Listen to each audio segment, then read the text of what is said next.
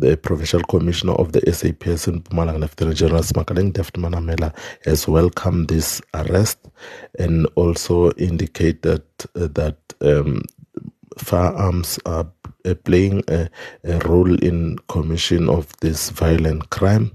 And one thing that we should mention is that these firearms will undergo ballistic testing and to uh, establish whether they were not previously used in the commission of crime.